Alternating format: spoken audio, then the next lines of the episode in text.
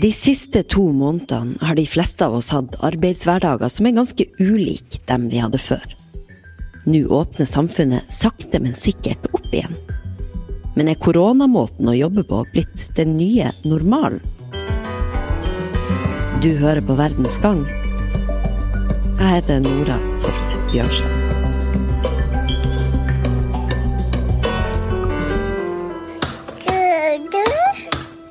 Si hei? Det har vært eh, noen ganske sjukt eh, hektiske uker å være hjemme. Nei, det er tastaturet til mamma. Kan jeg få den?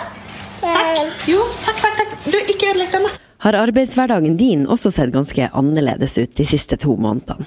Kollega Camilla i VGTV har fått føle på noen av de mer familiære utfordringene ved å jobbe hjemmefra mens andre har kjent på tekniske begrensninger, der de sitter undervinkla på videokonferanser med klesvasken sin i bakgrunnen. Når stadig mer av samfunnet nå åpner opp igjen, tenkte kanskje en del av oss at vi skulle få innta kontorene våre og fortsette der vi slapp før 12. mars, men regjeringa sier at alle dem som kan, skal fortsette å jobbe hjemmefra. Og plutselig tok vi et kjempesteg inn i framtida. For sånn som det her, er det noen som har venta lenge på at vi skal jobbe. Ikke sant, journalist Lukas Velde Gabriel? Ja, eh, det kan man si. På hvilken måte er koronajobbhverdagen en smakebit på fremtidas arbeidsliv? Altså, Den er eh, en smakebit på fremtidens arbeidsliv i den forstand at vi i større grad eh, jobber uavhengig av geografi og fysisk tilstedeværelse. Eh, og alle kunnskapsyrker kan i teorien utføres eh, fra hvor som helst. Men eh, jobb er jo mer enn det du leverer. Det er også en tredjedel av den tiden du nesten er på jorda. Altså av dagen går jo til å jobbe.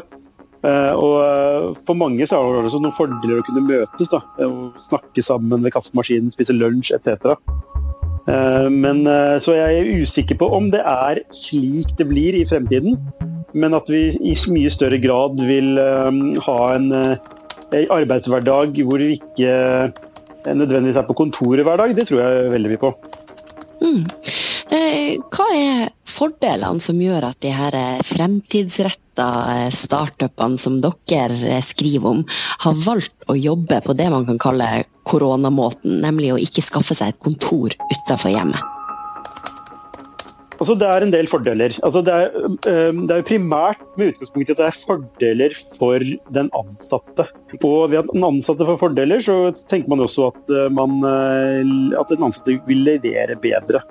Så det er jo for det første, hvis du som en norsk teknologistartup jobber med noe som er veldig vanskelig, eller du jobber med et problem som er veldig hardt å løse, eller du utfordrer et veldig stort selskap som har veldig dyp teknologi, så det, kan det være vanskelig å finne den globale kompetansen du trenger da, for å kunne løse problemet og bygge det produktet du skal.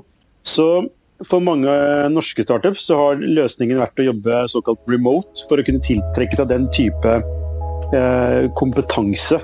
Eh, for da kan, du jo, i, altså, da kan du jo ansette en person fra California eller fra ja, Usbekistan, for et dårlig eksempel, eller fra hvor som helst, eh, som kan utføre den jobben. Så, så, og, det jo, og det er jo et altså et stort fortrinn da, når du skal eh, utvikle noe som er veldig vanskelig.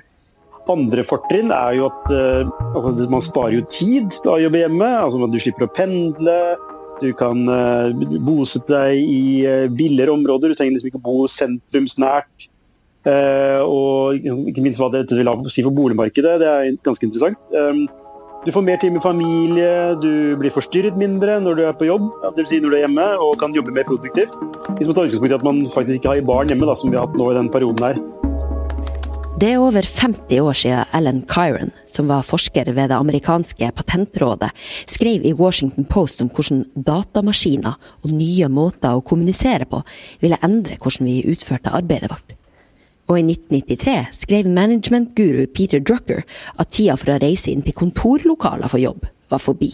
Men et kvart århundre senere var det fortsatt nesten halvparten av internasjonale selskaper som ikke tillot sine arbeidstakere å jobbe hjemmefra i det hele tatt. Men det var før koronaen. For plutselig ble den endringa vi har venta på, iverksatt nærmest over natta. Vi var nok ikke forberedt på det. Har mange fått erfare. Historien om Lisette og Campo illustrerer det. Lisette leder en organisasjon i Washington DC og skulle ha et møte med sine ansatte. Skjermdumpen av den videokonferansen har gått viralt. For Lisette hadde glemt at hun på en digital cocktailkveld helga før hadde lasta ned et ansiktsfilter som gjorde hun til en potet. I wanted to make them laugh. And so I download these snap filters, but it didn't really download all the way. There was an error message that kept popping up, so I kind of gave up on it and forgot about it. Og det her, samme filteret, var fortsatt på i møtet mandag morgen. En av hennes ansatte tok bilde av det videomøtet, og den intetanende Lisette som fremsto som en potet. Og vips var det gjort. Lisette har nå blitt kjendis, og forteller her til podkasten Worklife om livet som nettopp potato boss. I just remember thinking, why am I a potato? And of all things, why a potato? like I couldn't go back to a regular camera. So I just essentially was a potato for the meeting. Til skrekk og advarsel for det fremtidige arbeidslivet vårt. En påminnelse der om at digitale verktøy fortsatt skal behandles med forsiktighet. Hva tror du er årsaken til at det har sittet så langt inne hos mange bedrifter å iverksette denne digitale endringa, selv om det kanskje er lett å se at vi har verktøyene for det nå? Jeg tror jo primært at det måtte sitte langt inne, for det er ikke, det er ikke noe som er etterspurt. Det er, ikke, det er ikke etterspurt av majoriteten av ansatte. Og jeg tror de fleste vanlige ansatte foretrekker en fysisk arbeidsplass med fysiske kolleger. Eh, Samtidig vil det jo kreve veldig store menneskelige og, og, ikke minst kulturelle investeringer å snu en organisasjon fra at man møtes fast fysisk på kontoret, man har et morgenmøte osv., til at man jobber såkalt remote. Og det er heller ikke gjort over natta. Så det, jo, det å gå i gang med det skal, det skal veldig mye til, og veldig mange, veldig mange pros på pro-con-lista di for at eh, man skal gjøre det. Og så er det jo noe ukjent å gå over til en sånn måte. Det er ikke måten vi er vant til å jobbe på. Og de fleste selskaper er jo ganske tradisjonelle egentlig, og vil redusere mest mulig risiko. Så det å gå over til det, det, det er ikke overraskende eh, sitter langt inne. Men vi har, jo, altså, vi har jo verktøyene for det. Og det finnes jo gode altså nettløsninger, eller hva du måtte kalle det. Men det mange også mangler, er jo altså metoden. da, Organisasjonsstrukturen. Hvordan, hvordan jobber man? Altså Hva er reglene for å jobbe? Eh, og Det er mye mer krevende enn å si at alle skal møtes på Zoom.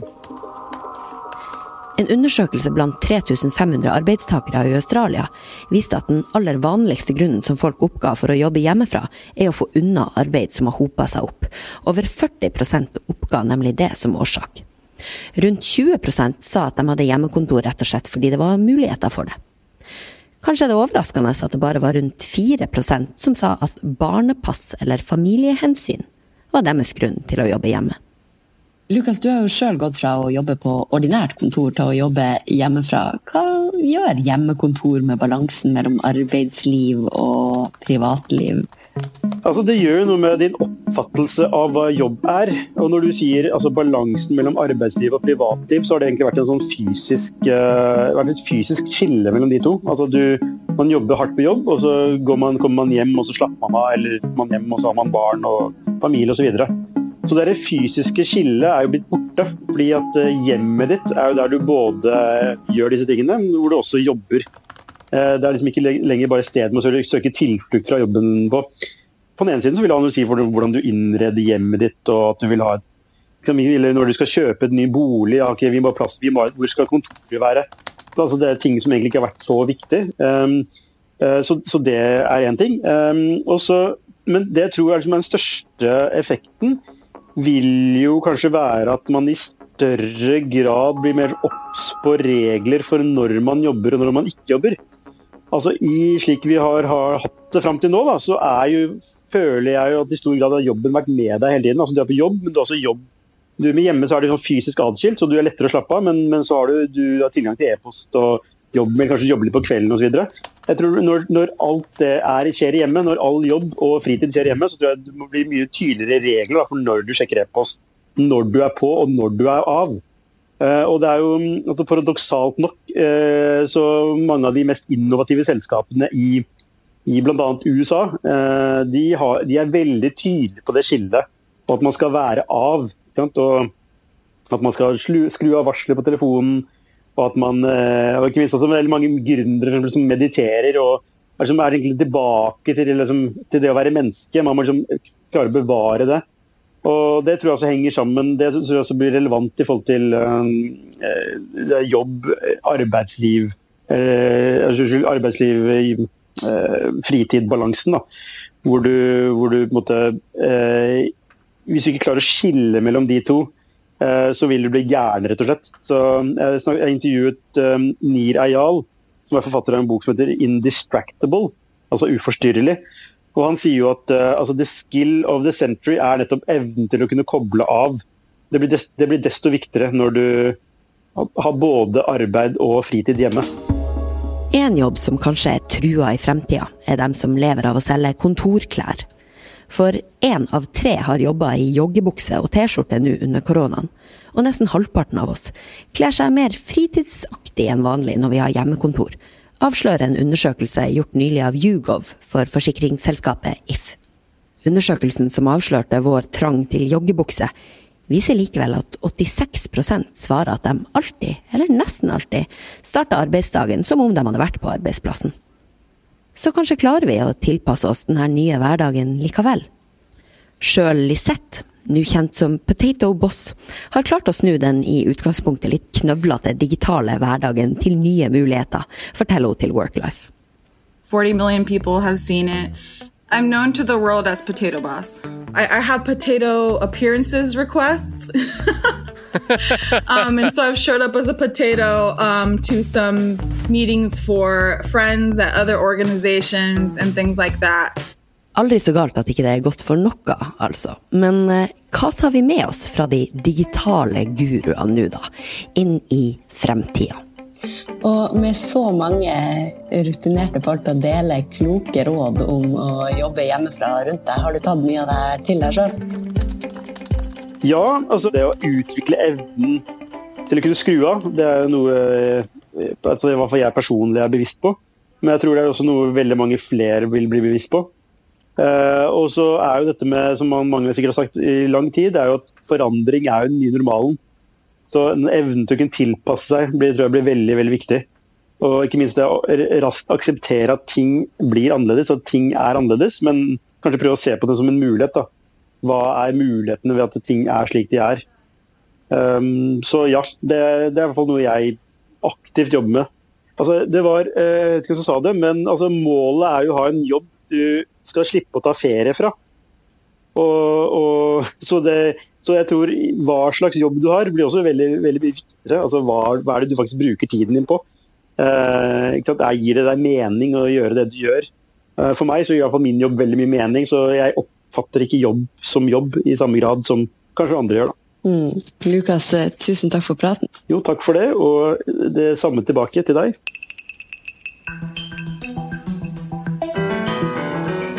Du har hørt en episode av Verdens Gang, VGs daglige nyhetspodkast.